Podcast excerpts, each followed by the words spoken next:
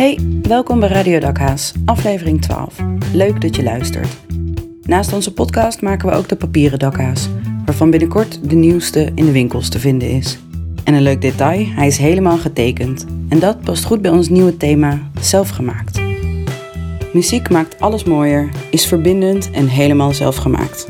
Een plek in Utrecht waar er volop zelf wordt gemaakt, is in DB's. Chloe Petit spreekt initiatiefnemers Paul de Brabander en Bram Zaliger over het ontstaan van deze muzikale vrijplaats voor punk en metal. In 2003 verhuisden DB's van de Jekerstraat naar de locatie die we nu kennen aan de Cartesiusweg.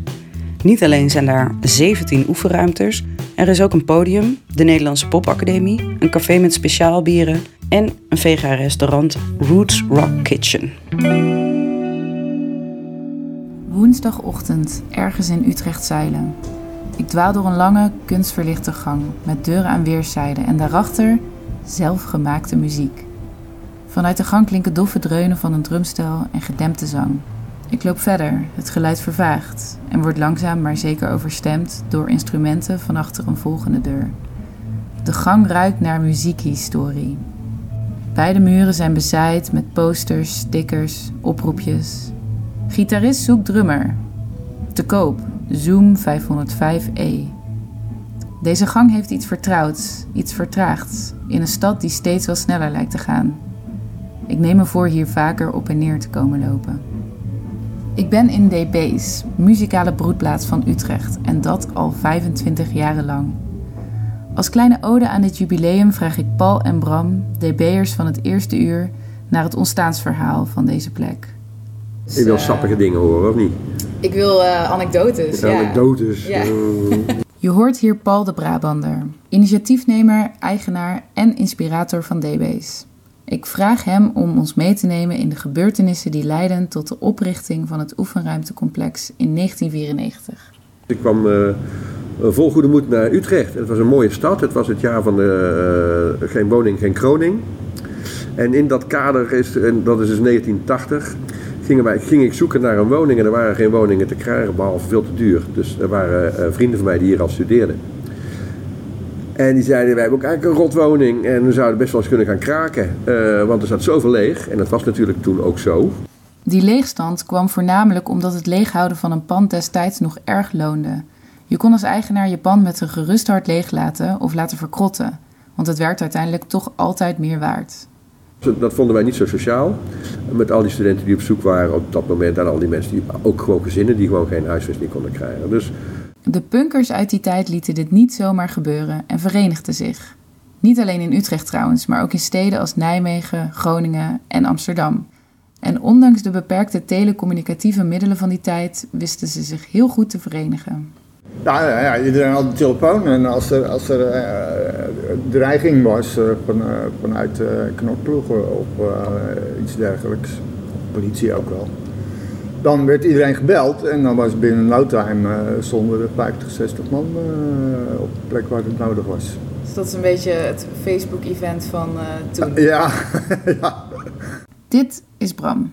Kun je dakhaas op zijn Utrechts uitspreken? Dakhoos? Nee, niet echt, nee. Bram is betrokken bij DB's vanaf ongeveer het eerste uur. Ik ben uh, Bram, Bram Zaliger. Ik werk hier uh, eigenlijk vanaf het begin, vanaf een half jaar na het begin. Want ik had eerst niet in de gaten dat het al begonnen was. Ik vraag Bram te schetsen hoe onze stad er in de jaren 80 uitzag voor de Utrechtse muziekliefhebber. Armetierig. Ja, nou ja, toen ik hier kwam, was er eigenlijk bij heel Nou, Tivoli was dan wel al begonnen, dus dat, daar, daar, en verder was er niet zoveel eigenlijk. uh. Paul en Bram sloten zich al snel aan bij Actiecomité met een K, Tivoli Tijdelijk. Een krakersgroep die feesten organiseerde op wisselende locaties door de stad. Uh, we moeten met z'n allen zorgen dat die muziekomgeving uh, in Utrecht gewoon leuk wordt en van ons blijft. En niet zo'n zo'n patje als muziekcentrum Vredeburg gedoe.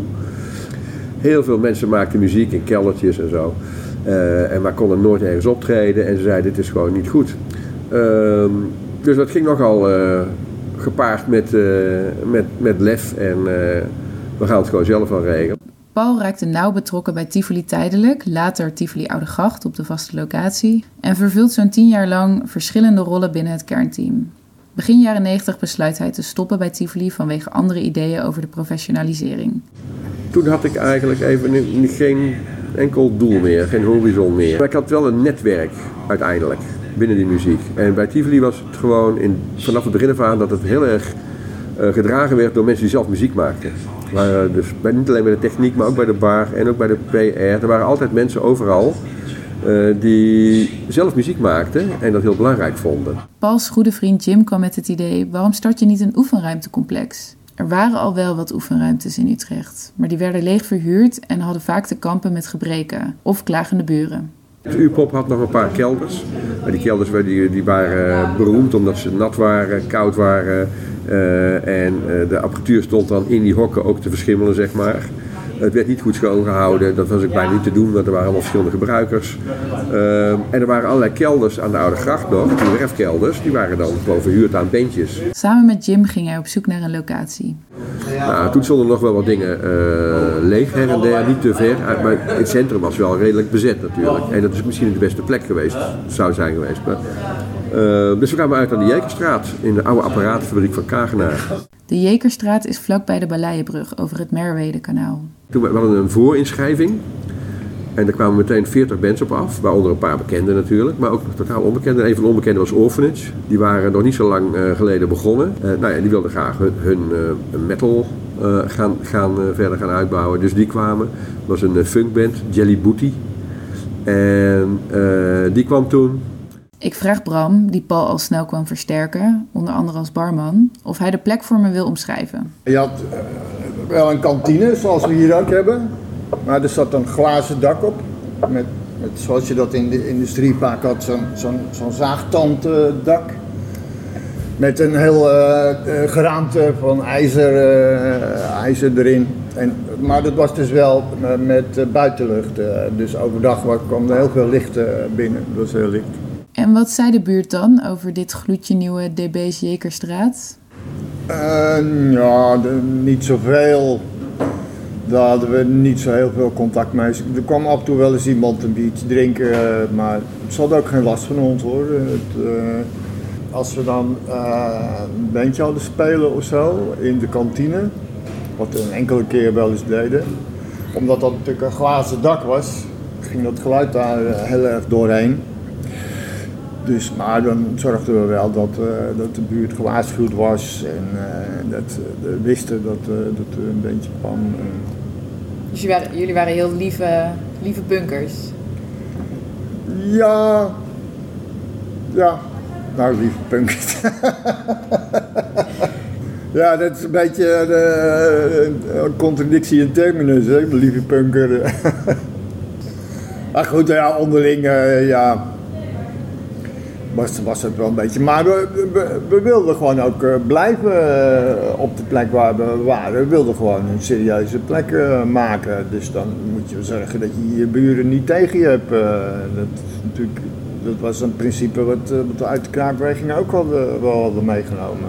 Op zaterdagavond zat- zaten daar gewoon allemaal tafels vol met tien of twaalf. En, en dan ontstond er gewoon zo'n sfeertje dat mensen nog gezellig na aan praten zijn, een biertje drinken, muziek draaien, muziek gaat harder. Het was een soort van vrijplaats wel. Ik weet nog heel goed dat ik daar ook zat op zo'n zaterdagavond.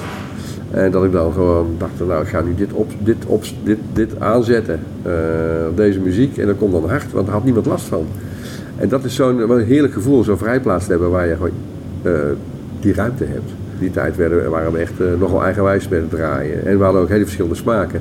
Mijn smaak was nooit metal, maar er waren mensen die erbij bij mij eh, eerst als vrijwilliger en later betaald werkten. Die waren helemaal gek van metal. Dus dat werd, en die, die vond het dan ook normaal om het vrij hard aan te zetten. Dus dan krijg je zo'n, oh het is een metal tent. Nou ja, Queens op de Stone Age natuurlijk. Dat werd de hele dag zo'n beetje gedraaid. Behalve Ton, die toen ook werkte. Die is later ook geluidskunstenaar geworden. En die vond het heel leuk om geluiden af te spelen. Dus die had dan bijvoorbeeld de hele middag had hij vogeltjes opgenomen eh, en die speelde die af. Dus de hele tijd hoorde je in het alleen maar vogeltjes. of hij had, eh, eh, op een gegeven moment had hij een voetbalwedstrijden het geluid opgenomen van het publiek, maar dan zonder het commentaar. Dus dan hoor je zo'n aanzwellend iets van spannende, oh en dan gaat het weer mis en dan koren. En zo hoor je gewoon twee uur lang zoiets raars. Dus het was, dat was een soort van omgevingsmuziek, of, of ja, wat hij, dan, wat hij dan mooi vond en leuk vond om te doen. En iedereen liet dat gewoon Dat, dat kon in harmonie met elkaar staan. Daar was wel vrijheid in. Maar we, we, we hebben altijd discussie gehad van ja, draai nou eens eh, even wat meer voor de mensen, wat algemener en zo.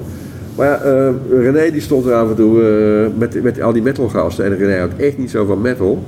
Maar hij vond die mensen gewoon wel ontzettend leuk. En dan draaide hij, dan draaide hij, dan ging hij André van Duin draaien en dat soort dingen. En eh, uiteindelijk gingen ze dan met z'n allen met de, door de Polonaise. En gingen ze door de... eh, da, da, da, da.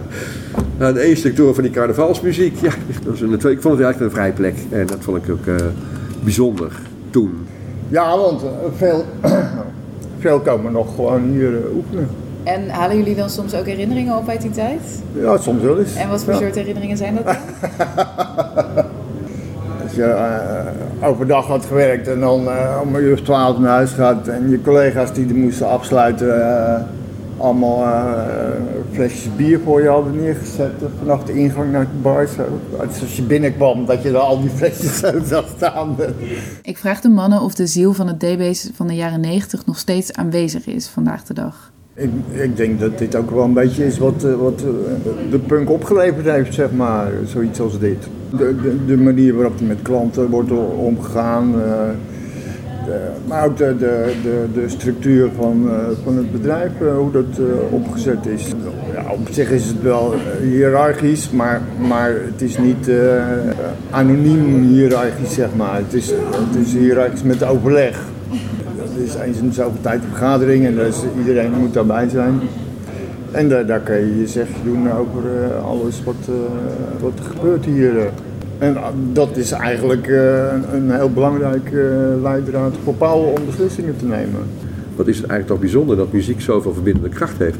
Dat realiseer je niet, maar wij zijn, als, als mensen nu praten over je moet inclusief zijn met je bedrijf. In principe, muziek is gewoon, we hebben hier alleen maar mensen lopen die door elkaar heen lopen, de hele tijd. En dat is het kenmerk van muziek. Dus voor ons is nooit een issue geweest van je, hoe zie je eruit of eh, wat, eh, hoor je er wel bij of niet. Nee, gewoon, ja, het is vanzelf. Heb je een voorbeeld van die typische DB-sfeer die vandaag de dag nog steeds bestaat? Gisteren, uh, eergisteren uh, bijvoorbeeld uh, de Moving Targets was in de zaal. Dat is een, uh, een punkband uit de jaren 80 die nog steeds uh, net een nieuwe plaat uit hebben. Dat is wel een beetje nog uh, de oude sfeer die je dan proeft. Ook al is iedereen uh, 50 en 60 geworden, zeg maar. ja, dat vind ik wel leuk. Het is een beetje rauw met elkaar omgaan. Niet, niet moeilijk doen. goede muziek op de achtergrond. Over mooie dingen gesproken die de tegencultuur uit die tijd ons heeft opgeleverd. Bram is punkdichter. Dus hoe beter dit item af te sluiten dan met zijn werk? Duitse helm. Door Onanie gedreven, onder minetten gebukt, wil de Duitse helm leven, maar is te zeer verrukt. Falen. Jakkes. Ik heb er echt een hekel aan. Waarom is het gevoel van mislukken toch zo moeilijk te verdragen? Soms denk ik dat als het leven maakbaar was, ik dat hele falen zou skippen. Maar toch is een leven zonder falen een leven zonder groei. En dat lijkt me nou ook niet helemaal de bedoeling. Janneke Aronson onderzocht het hoe en waarom achter falen en vooral over hoe je ermee om moet gaan. Ze ging op bezoek bij het Instituut voor Faalkunde in Utrecht en sprak erover met directeur en faalkundige Remco van der Drift. Hij geeft trainingen, waaronder faalfitness. Je loopt de gang in, ken je wel volgens mij. Halverwege rechts loop je de trap op. Alle trap op en dan uh, zit je bovenaan daar. Oké, okay, top. Zo.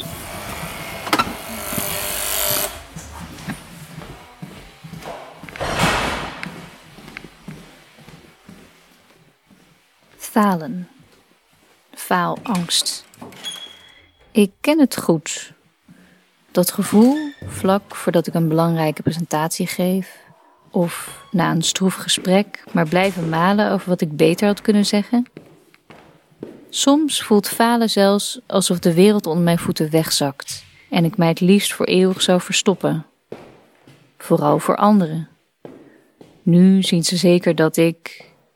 Nu vinden ze vast dat ik Falen heeft dus vooral te maken met wat anderen ervan vinden. Of wat ik denk dat anderen ervan zouden vinden. Maar waarom eigenlijk?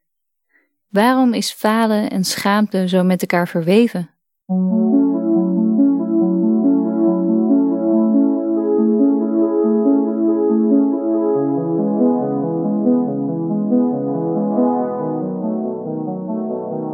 Falen voelt vaak heel vervelend. En ehm, ik uh, zelf, ik, faal. Ik vind mezelf ook af en toe een faler en ik maak ook veel fouten. En zeker als stevige fouten zijn, of wat ik een gevoel heb, uh, bijvoorbeeld ik negatief feedback heb gekregen of zo, dan, uh, ja, dan kan mijn hele lijf soms uh, soort bevriezen of tot een hoofd krijgen met, met watten. Ik voel het hier zo. Ik, wijs het aan, maar dan ziet iemand natuurlijk. Ik wijs nu met mijn hand op mijn buik. Voel ik hier een beetje soort spanning. Waar ik dan een druk voel, alsof er, ja, er zat steen op mijn maag.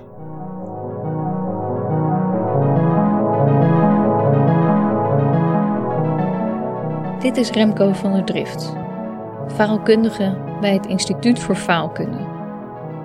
Als trainer leert hij mensen een faalspier te trainen, anders naar fouten maken te kijken en te faalfitnessen. Daarover later meer. Ook voor Remco is falen een thema dat veel terugkwam in zijn leven. Ik ben uh, geregeld onzeker over, over fouten of over dingen die ik, die ik doe. Als kind of als jongvolwassene was dat nog veel sterker dan nu. Een heel belangrijk moment, wat ik me kan herinneren, ik zat in de bioscoop als, als, als, als tiener. En een meisje waar ik verliefd op was. En ik, ik wilde heel subtiel zo mijn arm om haar heen slaan. Maar met mijn elleboog ging ik zo heel hard in haar gezicht. En dat, kon ik echt wel de grond zakken.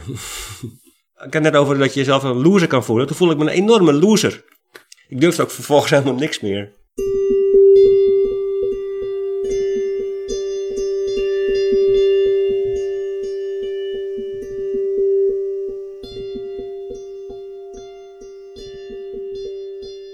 Toen ik, even kijken wat was ik toen? Ik denk 27 was of zo, 25. Toen ben ik begonnen met uh, improvisatietheater. En daarin ontdekte ik voor het eerst dat je ook anders kan omgaan met onzekerheid en uh, mislukken. Gewoon op het podium staan en gewoon iets proberen. En als het misgaat, gewoon uh, doorgaan en iets nieuws van maken. Toen ging er echt een enorme wereld voor me open.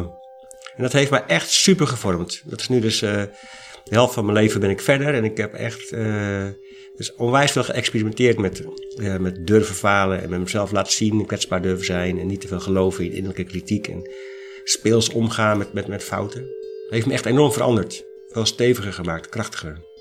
Heel belangrijk kantelpunt geweest. Ik was toen ook trainer en DJ in, in, in die tijd. En uh, dus toen, toen ging ik theatersporten, toen uh, ben ik ook trainingen gaan geven aan, aan, aan bedrijven over theatersport en teambuilding workshops. En zo is faalkunde ontstaan. Ja, dat principe van durven falen, dat, ik merkte dat deelnemers het heel erg oppikten en dat ik zelf ook daar dus uh, steeds zo in geraakt werd. Dus um, ben ik er veel meer over gaan lezen en over gaan schrijven en toen is faalkunde ontstaan.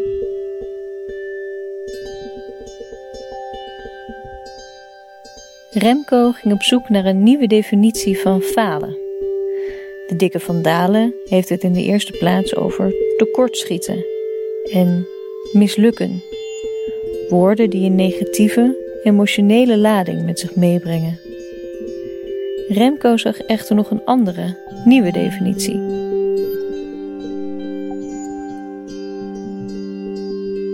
Sowieso denk ik verschil tussen fouten maken en falen. En een, uh, als ik heel simpel uitkleed, is een fout eigenlijk een feit waar je een negatief oordeel op hebt geplakt. Vanwege allerlei verwachtingen of, of hoop, hoe het, allemaal, zou, uh, zou moeten gaan. En uh, als je die verwachtingen en het negatief oordeel weghaalt, haal je vaak een feit over. En uh, falen, dat wordt vaak al meer persoonlijk uh, gezien. Dus je maakt een fout, je hebt gefaald, je bent een faler. Dus eigenlijk, want weet je wat het dan is? Het is dan, er ontstaat een, een, een ongemakkelijk moment. En wat ik steeds meer leer is eigenlijk om ongemak te verdragen en door te gaan. Dus ik ben heel vaak in leven geneigd geweest om ongemak uit de, buiten de deur te, te houden. Dus vanaf dat moment in die bioscoop, ik had beter uh, gewoon nog een keer kunnen proberen of zo. Of eventjes, weet ik wel, even, even, even strelen of zo. En, uh, um, het, en ja, wat ik nu ook wel leer, is ongemak ook gewoon in, in mijn lijf voelen. Weet je? Als er iets gebeurt of en het voelt ongemakkelijk, oh ja, even ademhalen, voelen waar zit het in, in mijn lijf en doorgaan. Ik kan ook al in, mijn bed liggen en dan... Uh, Hè, dan hoor ik uh, innerlijke, mijn innerlijke criticus die dan uh, zegt van... oh, dat, dat is echt stom wat je daar deed. Of gewoon die persoon toch wel gelijk wat hij zei. En had je het niet beter dit of dat. En dan, nou, dan kan, kan, ik helemaal vastzitten in gedachten. En dan is het ook, ook, heel mooi om juist even naar mijn lijf te gaan. Ook, ook rest van mijn lichaam te voelen. En te realiseren dat die criticus, dat, die, dat ik die niet ben, maar dat ik die heb, hè, die gedachten. Dat is ook mooi van contact maken met het lijf, vind ik.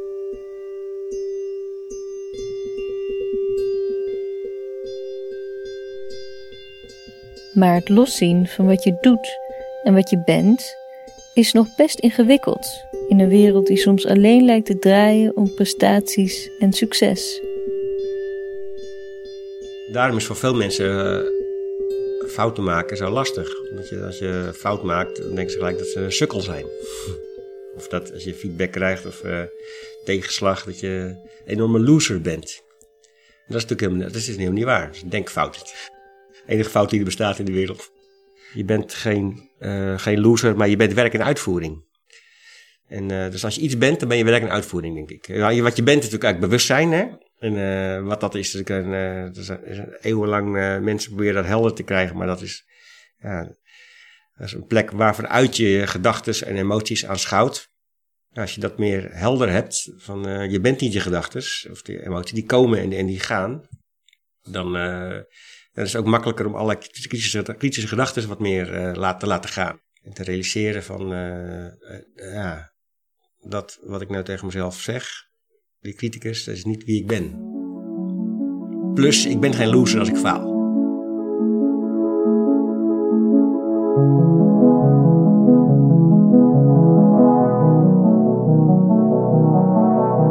Er zijn steeds meer onderzoeken over, over millennials. Die heel erg kampen met prestatiedruk. En de maatschappij wordt veel individualistischer en uh, kapitalistischer, materialistischer. Je moet gewoon als je jong bent zo snel mogelijk een goede auto, een huis wat niet te betalen is en een goede baan. En uh, als je er niet aan voldoet, dan ben je een loser. Succes is maakbaar, dus falen waarschijnlijk ook. Dus, ja, ik vind het wel ernstig hoeveel mensen gewoon ziek worden. Depressief en burn-out raken. Nou, dat heeft voor mij daar heel erg mee te maken. Maar het is, dat, is, dat is denk ik, als je piloot bent of chirurg, dan wil je toch ook kwaliteit leveren. Dat is iedereen. Dus het gaat niet om dat je per se fouten moet maken. Kwaliteit leveren of succes hebben is prima. Maar het gaat over die 120% die we in de maatschappij eisen van onszelf en van elkaar. Niet om die 100%, want natuurlijk, ik wil ook als ik uh, geopereerd word, dat ik goed word geopereerd. En uh, veilig aankom in een vliegtuig. Dus uh, daar gaat het niet over.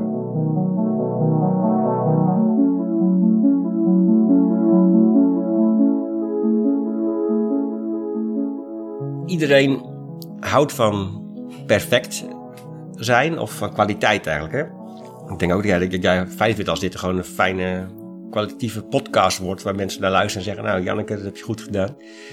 En, uh, maar ik denk dat we steeds, steeds meer mensen last krijgen van uh, eigenlijk overmatig of ongezond perfectionisme. Dat is eigenlijk als je verder gaat dan gewoon kwaliteit willen leveren, maar dat je gewoon uit onzekerheid of uh, ja, jezelf niet, niet, niet goed genoeg vinden, dat je maar door blijft gaan met uh, het goed willen, willen doen.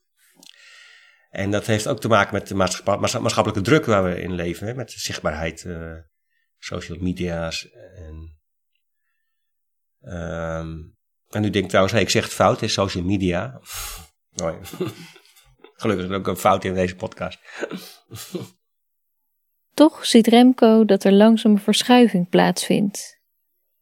Mensen zijn moe van het rennen en vliegen en tien ballen tegelijk in de lucht houden. Nou, wat ik wel zie dat er ook in Nederland ook een, ook, een tegenbeweging uh, aan het ontstaan is, hè, waar ik ook zelf aan bijdraag. uh, om gewoon uh, wat meer bewustzijn van die prestatiedruk en daar niet altijd naar te luisteren en eh, meer ook eh, open durf zijn over, over eh, falen. Dat is wat ik, eh, wat ik wel zie. Dus, eh, ja, die beide bewegingen, bewegingen zie ik wel, ja. En ehm, want ik geef in mijn werk ook uh, faalfitness oefeningen, dat doe ik. En dat eigenlijk is om het trainen, eh, trainen van je faalspieren. Dat is eigenlijk ook natuurlijk een beetje een grap, maar ook wel wel letterlijk waar. Ik kan wel een oefening doen over, eh, als je het leuk vindt, een faalfitness eh, oefening. De oefening gaat over eh, jezelf toestaan om te mogen proberen. Als ik ja zeg, dan mag jij en ook alle podcastluisteraars nee roepen en andersom. Oké? Oké. Ja, Nee. nee, Ja. ja, nee, Nee, ja. nee, ja, ja. Ja, nee, ja. Nee, ja, nee, ja, nee, nee, ja. Nee! Nu roep je ja, nee. Waarom? Ja, nee, ja. Waarom, Janneke? Je, je, je stopt ermee, hè? en eh, dat is zonder oordeel, hè? Zou ik fout kunnen- Waarom, waarom stop je ermee? Oh, kortsluiting in mijn hoofd. Dat voor ik niet meer wist of ik nou met ja of nee moest beginnen. Oh ja. en, en dan met die kortsluiting, dat is nog steeds de vraag, waarom stop je ermee? Want je bent aan het proberen. En je stopt ermee waarschijnlijk omdat je denkt van, oh, kortsluiting, ik, ik kan het niet meer produceren. Dus dan ben je bezig met de output.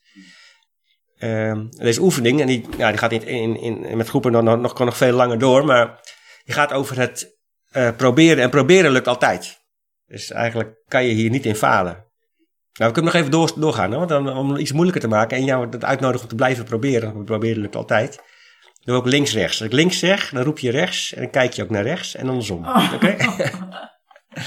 ja, Nee. links, rechts. links-rechts. Rechts, links. Ja, nee, links-rechts, ja. Nee, ja. Links, rechts. Nee, ja. Nou, dan gaat het, het proberen dat gaat wel goed nu, hè? Ja.